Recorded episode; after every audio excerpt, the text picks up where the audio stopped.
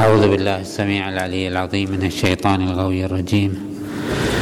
بسم الله الرحمن الرحيم والحمد لله رب العالمين والصلاة والسلام على أشرف الأنبياء والمرسلين سيدنا وحبيب قلوبنا أبي القاسم محمد.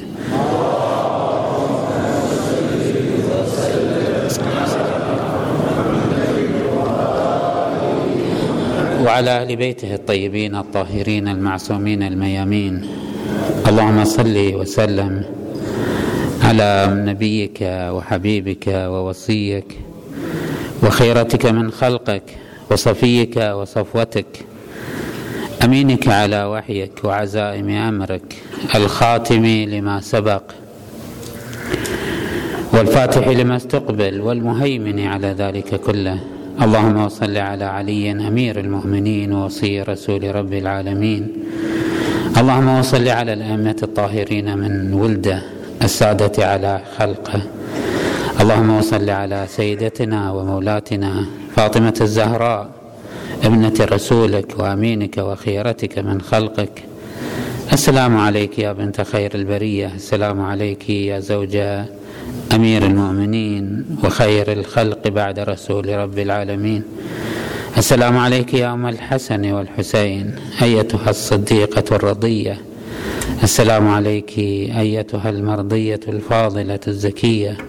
السلام عليك أيتها الحوراء الأنسية. السلام عليك أيتها النقية التقية. السلام عليكم أيها المؤمنون ورحمة الله وبركاته. قال عز من قائل في محكم كتابه الكريم بسم الله الرحمن الرحيم. ومن آياته أن خلق لكم من أنفسكم أزواجا لتسكنوا إليها وجعل بينكم مودة ورحمة. إن في ذلك لآيات لقوم يتفكرون. صدق الله العلي العظيم. عندما جاء الرسول صلى الله عليه وآله بمشروعه الإنساني الخالد كان يتحرك في ضمن المعادلة الإنسانية الطبيعية. يعني الرسول صلى الله عليه وآله لم يأتي بخارق العادات لم يتحرك في ضمن الواقع الإنساني من خلال الإعجاز ومن خلال قوى الغيب ومن خلال التدخل الإلهي وإنما كان يتحرك كما يتحرك أي مصلح وكما يتحرك أي داعية. ومن هنا فإنه صلى الله عليه وآله كان يتحرك في مسارين في عرض واحد يعني في نفس الوقت. كان يتحرك في المسار العام في بناء نهضة إنسانية أصلح فيها البعد العقائدي فأزال الجهل والجهالات والخرافات ودعاهم إلى الإيمان بالله عز وجل والاعتقاد بقدرة الله وتدبير الله. هذا من جهة عقائدية. وعالج الواقع الإنساني من جهة أخلاقية وهو صلى الله عليه وآله كان يقول إنما بعثت لأتمم مكارم الأخلاق. فبغض النظر عن الجهة العقائدية كان يدعو إلى التواضع إلى المحبة إلى التعاون إلى نعم كل ألوان الأخلاق والإنسانية.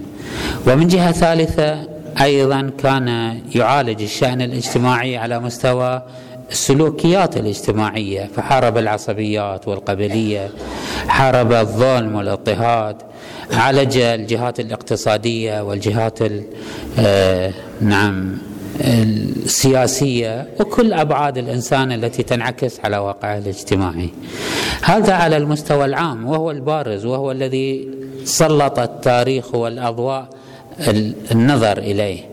فكان يقال أن الرسول صلى الله عليه وآله غزا ويقال أن الرسول صلى الله عليه وآله دعا إلى الأخلاق ويقال أن الرسول صلى الله عليه وآله دعا إلى عقيدة جديدة. وهذا واضح بين.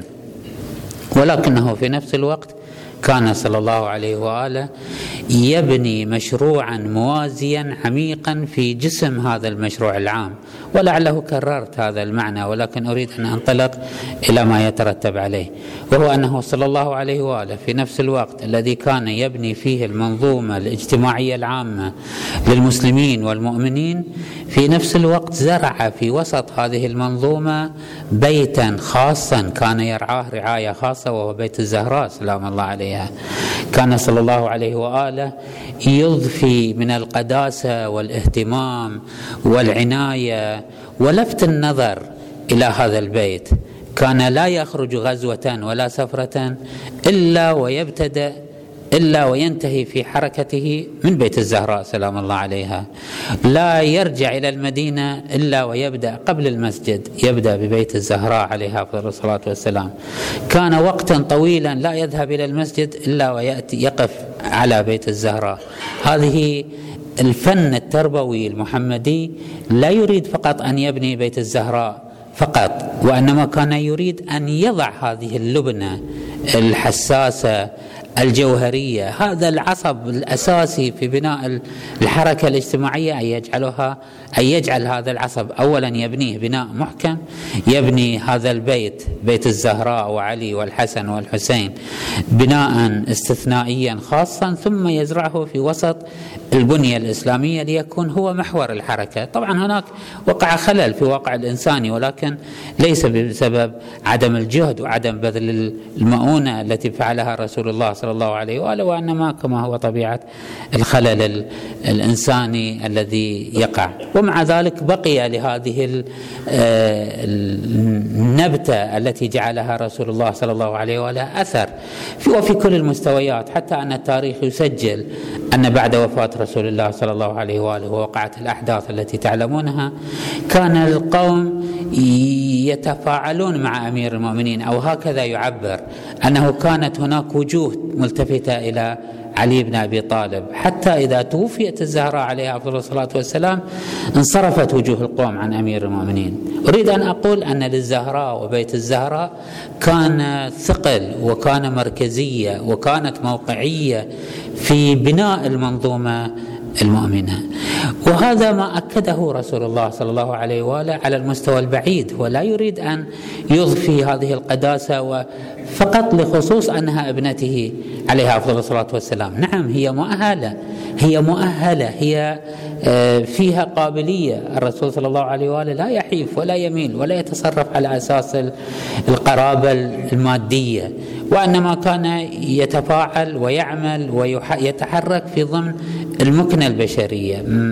قرب البعيد وبعد القريب على معيار القيم والمبادئ. فليس للزهرة موقعية لقربها آه، وخصوصيتها البنوية وإنما لقابليتها ولإمكانيتها. ولذا نجد أنه صلى الله عليه وآله بنى هذه البنية وأعطى قانون عام عندما يقول أنه ما بني في الإسلام بناء أحب إلى الله عز وجل من بيت يعمر بالزواج. الحضارة الإنسانية التي كان يسعى إليها رسول الله صلى الله عليه وآله المشروع الإنساني الذي يريده صلى الله عليه وآله تشكل هذه البنية وتشكل هذه اللحمة لحمة العلاقة الزوجية. بين الشاب والشابة بين الرجل والمرأة. تشكل هي البنية الأساسية التي تبنى عليها الحركة الاجتماعية. يقول صلى الله عليه وآله في الدفع في هذا الاتجاه مع أنه عملية الزواج عملية طبيعية وعملية فطرية وعملية تقتضيها الغريزة. ومع ذلك هو صلى الله عليه وآله بنى هذه البنية ودعا إلى هذا المسار فهو يقول صلى الله عليه وآله ما من شاب تزوج في حداثة سنة إلا عج شيطانه. يقول يعني شيطان يقول يا ويله يعني هو يا ويل لي عصم مني ثلثي دينه. الإسلام والحضارة الإسلامية والمشروع الإسلامي كله ثلثيه هو أن يحصل هناك. هذه تركيبة الأسرية الطبيعية هذه ضرورة إنسانية. هذه كما يقول الإمام زين العابدين عليه أفضل الصلاة والسلام لو لم تكن هناك دعوة إلى التزاوج لو لم يكن هناك حافز للتزاوج إلا الإدراك العقلي لما في مصلحة الأسرة ولما في مصلحة الإنسان. من تزاوج لكان الإنسان جدير أن يتحرك في هذا السبيل. هذه جهة، جهة ثانية وهو أنه اليوم تعيش التركيبة الأسرية أضعف حالاتها، تعيش موجة من الإرباك والقلق والاضطراب. وهنا, وهنا لا نتحدث عن أوضاع إنسانية عامة نتحدث عن واقع إنساني اجتماعي. قد يلمسه كل من يراقب الحركة الاجتماعية. يعني حالات الطلاق حالات التفكك الأسري حالة الضعف البنيوي للأسرة. لو أردنا أن نعبر عن هذا الموضوع بالأرقام لوجدنا أن الأرقام مرعبة ومهولة. يعني نسبة الطلاق تترقى وبشكل سريع وعنيف أيضا. إذا كان قبل ست سبع سنوات عشر سنوات لا نسمع بالطلاق إلا في حالات استثنائية اليوم أصبح نسبة الطلاق تتجاوز الثلاثين والخمسة وثلاثين في المئة من حالات وخصوصا في السنين الخمسة الأولى. أستطيع أن أشير إلى مجموعة من أسباب هذه آه، التفكك الأسري والضعف الأسري. لعله السبب الأكثر فاعلية في هذا الموضوع هو الضعف التربوي. الأبوين أبوي الزوج والزوجة لم يبذلا ما يجب أن يبذلاه في بنية الشاب. والشابة لم يب لم يهيئهما لهذه الحركة الجديدة. يعيش الشاب والشابة بين أبويه حالة من الميوعة والرقة وبساطة العيش وعدم المسؤولية والترف. ثم يتفاجأ بأنه في الزواج يتصور أنه في أول ليالي الزواج وشهر العسل يتصور أن الزواج عملية عسل. لا تعدو ذلك. ثم يتفاجأ أن القضية تقتضي منه جد واجتهاد ومثابرة وبناء منظومة جديدة وهو لم يؤهل لم يستعد لهذه المرحلة. وطبيعة الحال في التركيبة الأسرية فتاة من جهة وشاب من جهة من أسرتين مختلفتين يختلفان في في اللغة يختلفان لغة الحوار لغة أدب الكلام في آداب السلوكيات. طبيعي يحتاجان إلى مؤونة لإحداث حالة من الالتئام والتوافق. هذه تحتاج إلى تحمل وإلى صبر وإلى جلد بينما لم يؤهل لا الشاب ولا الشابة لهذا المستوى. في مجرد أن يواجه أول صعوبة يترجعان إلى الخلف. الشابة تجد أنها وضعها في بيت أهلها كان أفضل وأنعم وأسهل. نعم بطبيعة الحال الأمر كذلك في بيت أهل وكذلك الروايات تقول في توصيف المرأة الفاضلة أنها عزيزة في بيت أهلها ذليلة في بيت زوجها. وهنا الذلة ليست ذلة ومهانة. ذليلة يعني طبيعة التركيبة الأسرية تحتاج من الفتاة أن تعيش حالة من الجد والاجتهاد والمثابرة وال... كما تعبر الروايات أنه حسن التبعل جهاد المرأة. هذا من جهة. من جهة ثانية ولا نزال نسلط الضوء على موقعية الأبوين أبوي أبوي الشاب والشابة.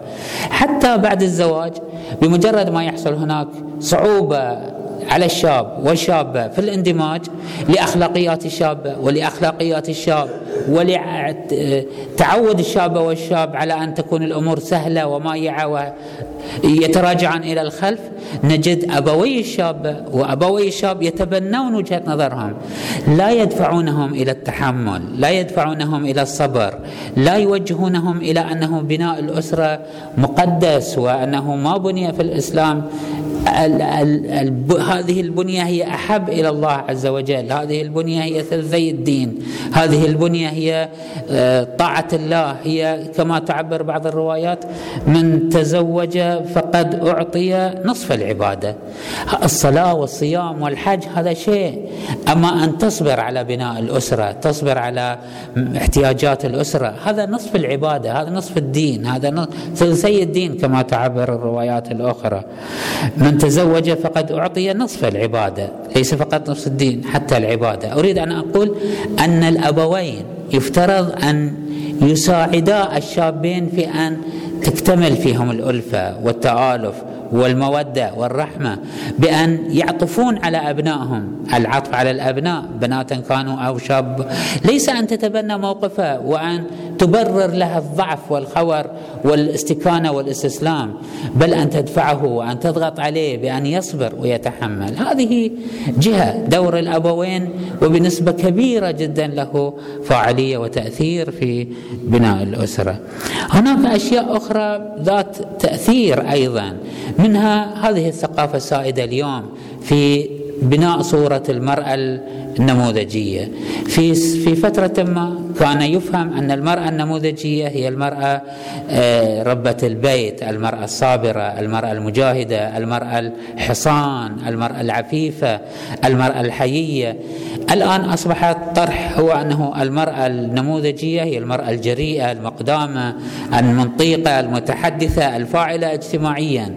نعم نكرر هذا الكلام كثيرا.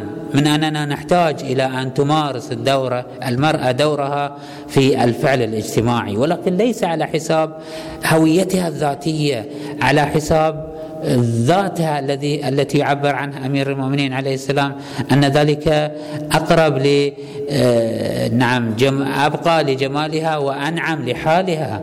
أن تشعر المرأة أنها هناك غطاء من المسؤولية من الرجل. لا أن تباشر. هي اليوم واضح إخواني كما تعلمون ونعلم أن مساحة العمل العمل الكسب المالي الذي هو آخر وظائف المرأة اليوم متاح بشكل سريع وهناك تسابق مع الأسف وهناك هجوم للنساء على هذه الجهة مع أنه تظن المرأة أن ذلك يعطيها حصانة ويعطيها قوة. هو في الحقيقة في كثير من الأحيان طبعا لا نمانع من أن تعمل المراه وأن تكسب وأن تكون لها فاعلية في البنية الاقتصادية.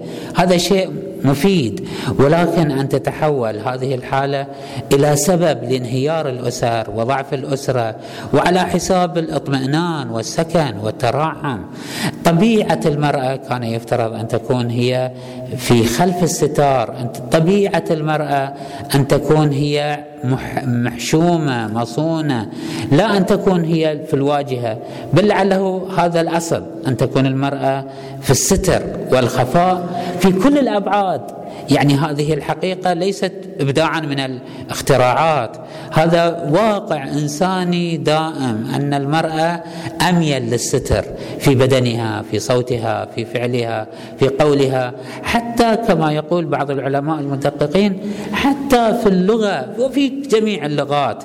نجد أن العبائر والكلام والصياغة مبنية على أن إبراز الشأن الذكوري وتستر الشأن حتى في الضمائر حتى في اللغة كما يقول هو هذا العالم. يقول نحن لا نقول يا قومات نقول يا قوم إذا أردنا أن نحدث وهذا ليس خاصا باللغة العربية وليس ذكورية في القرآن وليس ذكورية في الدين وليس وإنما حشمة في المرأة وطلبا في المرأة. خلاصة ما أريد أن أقوله. اليوم نحن في أمس الحاجة للأسر الكبيرة للآباء والأمهات أن يعملون على المحافظة على أسرهم الصغيرة الجديدة. هذه النبتات الحيوية الجديدة الناعمة الطرية تحتاج إلى رفق تحتاج إلى مؤونة لإتمام هذه المشاريع المقدسة. هذه وهو مشروع الزواج. ومشروع نحن بالخصوص نمتلك هذه الشخصية النموذجية الاستثنائية في تاريخ الإنسانية وهو الزهراء عليها أفضل الصلاة والسلام.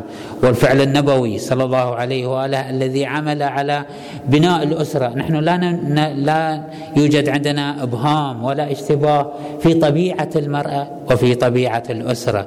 عندنا هذا النموذج الذي هو من الوضوح والبهاء والجمال ما يستن به ونتحدى الأمم ونباهي الشعوب في هذا النموذج الجميل اللطيف الذي نعتد به ونبرزه لكل العالمين لا نستحي من ذلك. عندنا الزهراء عليها الصلاة والسلام بيت الزهراء. وهناك أحاديث طويلة عريضة في خصوصية بيت الزهراء ولماذا يكون باب الزهراء وبيت الزهراء لماذا ليس بيت علي؟ والحديث تتم إن شاء الله في مجالس أخرى والحمد لله رب العالمين وصلى الله على محمد وآل بيته الطيبين الطاهرين.